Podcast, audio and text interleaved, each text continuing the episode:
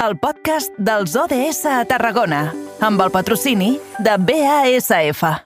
Somos hijos de la tierra y vengo a escuchar de cerca todo lo que te preocupa nada más. Eres libre al respirar, eres aire. Somos. Va, doncs ara sí, quan passen pràcticament 8 minutets del punt de les 6 de la tarda i després d'haver descobert el perquè d'aquesta banda sonora que ens proposa cada dia el nostre company de la nova ràdio de Reus, en David Fernández, el que farem serà pujar la màquina del temps. Ens n'anem a l'any 2030 amb l'agenda de les Nacions Unides, la dels objectius de desenvolupament sostenible. I el que farem serà saludar el nostre company Aleix Pérez, el tenim als estudis de la nova ràdio, també perquè ens pugui desgranar la qüestió que avui volem tractar. Aleix, bona tarda.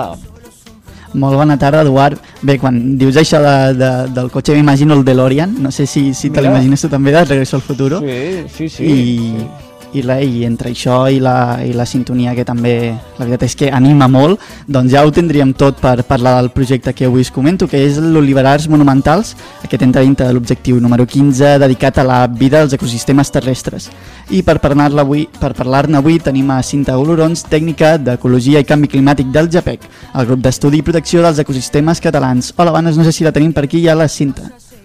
Hola, hola, sí, estic per aquí. Hola, bones. Bé, primer de tot una mica explica'ns què, què, en què consisteix aquest projecte dels oliverars monumentals. vale.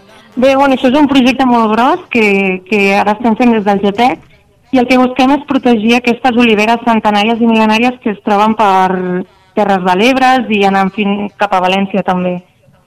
Que bàsicament la seva problemàtica eh, és que eh, la falta de relleu generacional en l'agricultura està fent que es perdin.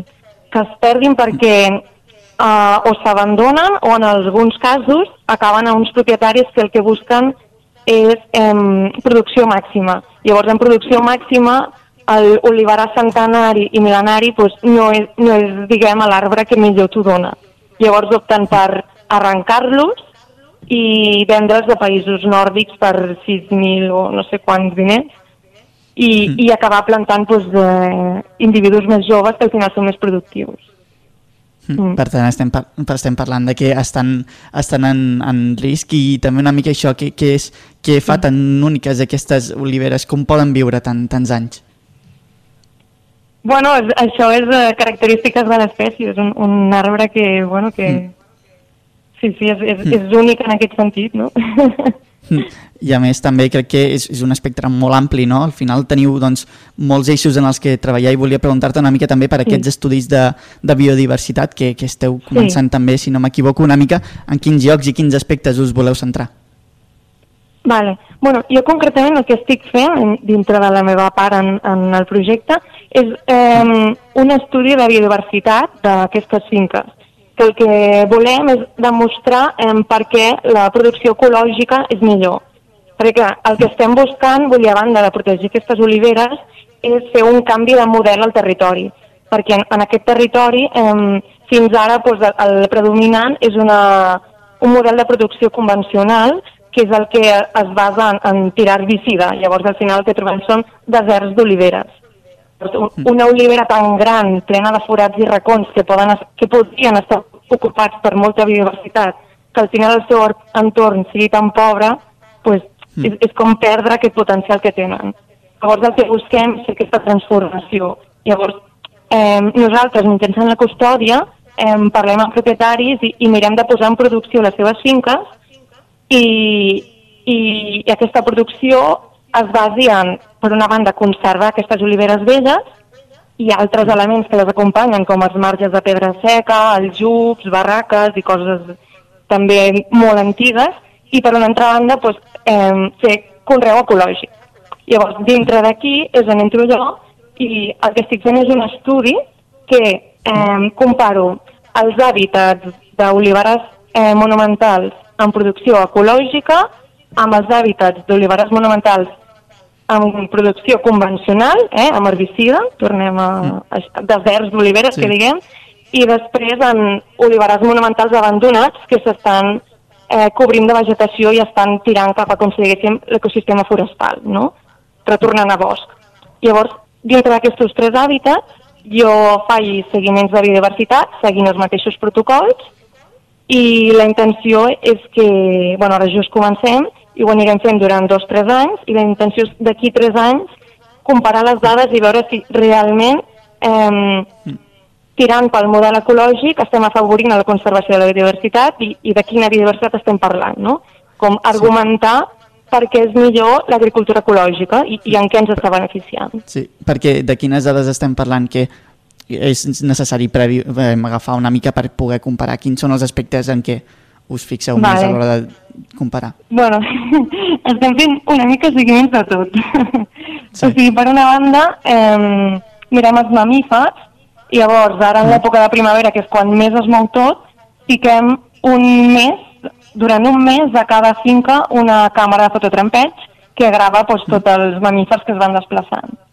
Després, tema ratolins, fem un, un seguiment que es diu CEMICE, que és la ciència ciutadana, que apliquem en aquestes finques, i el que fem és, eh, per cada finca col·loquem 36 trampes de ratolins durant 3 nits, i llavors cada dia anem veient el que ha caigut. I amb això tenim una estimació de les poblacions de ratolins que es mouen en aquestes finques.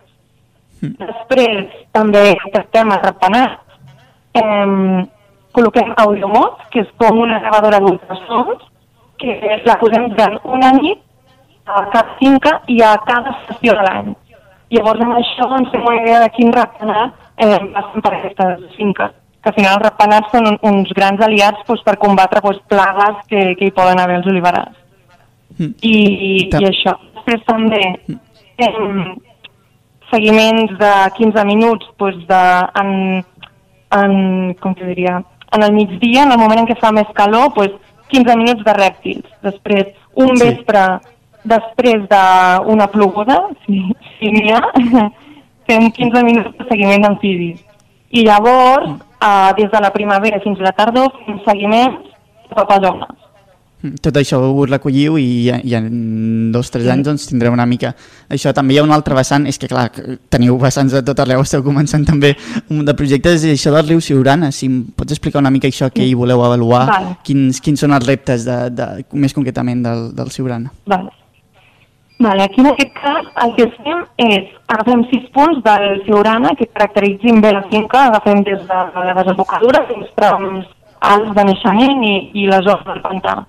Llavors, cada una d'aquestes zones, pues, seguim més o menys la mateixa idea. Desenvolupem tot un seguit de seguiments i, més a més, en aquest cas afegim avaluacions. Tenen unes avaluacions estandarditzades a nivell europeu que permeten comparar l'estat dels hàbitats pues, amb, amb tot el que seria un hàbitat a qualsevol lloc d'Europa. Llavors, d'aquestos nosaltres apliquem un que es diu hidri i un altre que es biorri. Llavors, amb això caracteritzem i aquest primer any ens serviria doncs, per estudiar eh, quina biodiversitat hi ha al riu Siurana i com es troben les poblacions de cada una del, del, de les espècies o dels grups de fauna i, i si ho seguim fent a llarg termini, que és intenció, ens permetria veure doncs, les tendències. Llavors, amb això ens faríem una idea de, doncs, per exemple, amb el canvi climàtic, si, si les tendències van a pitjor, doncs podríem veure de quina manera això està afectant a la biodiversitat i, i si mhm. es pot fer alguna cosa que estigui a les nostres mans, doncs fer-ho. No? Veuríem doncs, que si alguna població va pitjor, doncs, potser construint més refugis per a aquesta espècie, afavorint que nidifiqui i llavors que acabi eh, recuperant les seves tendències. O veiem que és en conseqüència del creixement de l'abundància d'alguna espècie de flora invasora. Doncs potser fem front a aquesta espècie invasora i, i, i tirant doncs, per la seva gestió i erradicació doncs, afavorim que retorni al seu hàbitat i així doncs, recuperar aquesta espècie.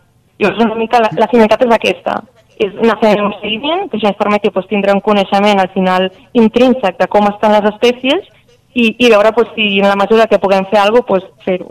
No? Sí, sí, t'escolta una cosa, hi ha, hi ha, i en quin estat de salut eh, en quin estat de salut es troben aquests ecosistemes? És a dir, ara que parlàvem de, uh, del Siurana o, o en cas doncs, que uh, posem el focus en els oliverars monumentals, uh, en quin estat de salut, uh, pre pregunto tenint en compte la situació de sequera extrema que travessa tot el ja. país ara mateix? Buf! ja, a veure, sí. Um, bueno, el, el, algunes coses, o sigui, he de dir que just comencem en guany, eh, aquests seguiments, però sí, sí, ja, ja s'observen algunes coses. Per exemple, al- alguns seguiments de ratolins, eh, tot i fer 3 nits, 36 trampes, ha sortit zero, que és comú eh, trobar pocs individus i alguna vegada zero, però en un context de canvi climàtic pues, encara s'amplia, no? De fet, en, en els seguiments històrics d'aquest seguiment, que és, és un seguiment preexistent que es fa a nivell de ciència ciutadana a nivell d'Espanya, eh, l'any passat va ser el pitjor any de tots i enguany s'espera que vagi a pitjor perquè relaciona exactament amb això, les tendències climàtiques. Llavors, bueno, nosaltres comencem a fer aquests seguiments en una època que possiblement és la pitjor. Però, bueno, en, de fet, en alguns, algunes parcel·les hem tingut zero de micromamífers. Però, bueno, I, i sí, eh, sí. si arribessin pluges o si eh, hi hagués un canvi, per tant, doncs, es pogués revertir la sequera que ara mateix eh, Sí. eh, patim arreu Sí, sí. del país, ca canviaria això? Teniu la, la sensació doncs, que eh, es podrien revertir aquestes xifres, aquestes evolucions, aquestes anàlisis que esteu fent sobre mateix del terreny? Jo crec que una bona gestió podria com... Sí, ho podria remediar en cert sentit. Per exemple, jo que sé, alguns punts d'aigua superficials que s'assequen, doncs potser crear alguna manera d'impermeabilitat en el terreny, per exemple, doncs, en seguiments de basses, doncs, per exemple, estic veient que les que són d'argila són les que s'assequen abans i, i potser les de formigó són les que abans es mantenen. Doncs potser de tant en tant crear una d'aquestes de formigó que reté l'aigua més temps doncs, seria una bona gestió doncs, per afavorir que en aquest moment en què les més naturals s'assequin els amfibis de l'entorn puguin anar a aquestes. Per exemple, doncs, eh, en altres casos doncs, es poden prendre altres mesures. Tot i així, a nivell d'hàbitat, per exemple en oliveres, eh, en les oliveres de tipus convencional, els oliverars de tipus convencional, que al final són deserts d'oliveres, allí estem traient eh, zeros, uns o dos en, en les poblacions de tot. Vull dir, allí és, és algo que mm, la sequera i, i l'herbicida és el que s'ho carrega tot. Que si ho compares amb els ecològics, vull dir, allí sí que s'està veient parcialment la sequera, no? Vull dir, algunes flors pues, s'assequen abans, alguns pol·linitzadors surten abans d'hora de que surti eh, la flor perquè han detectat calor abans d'hora i han nascut abans d'hora, saps? Algunes coses d'aquestes es detecten, però com a mínim es detecten, saps? Mm. Llavors, Um, bueno, en, en la mateixa mesura doncs, podem anar em, fent accions que, que afavoreixin doncs, que aquests que, que van sortint doncs, que es mantinguin, no? Ja poder En ser que tot cas, millorin. La, la sequera, una de les grans culpables ara que tinguem el nostre eh, entorn, els nostres ecosistemes en l'estat en què es troben a dia d'avui, al final però l'acció de l'home també és molt important a l'hora de eh, poder mantenir una biodiversitat rica. I això queda palès doncs quan es fan servir segons quins pesticides a l'hora de eh, tractar, eh, tractar el, el nostre entorn, en aquest cas doncs les oliveres que era avui una de les qüestions que ens portava a parlar amb la Cinta Colorons, que és tècnica d'ecologia i canvi climàtic del, del JAPEC. Cinta, moltíssimes gràcies per fer-nos confiança i despenjar-nos el telèfon. Que vagi molt bé, fins la propera. A vosaltres. Adéu, que vagi molt bé. I gràcies també a l'Aleix Pérez, el nostre company a la nova ràdio. Aleix, a reveure fins demà. Fins demà, Eduard, vagi bé.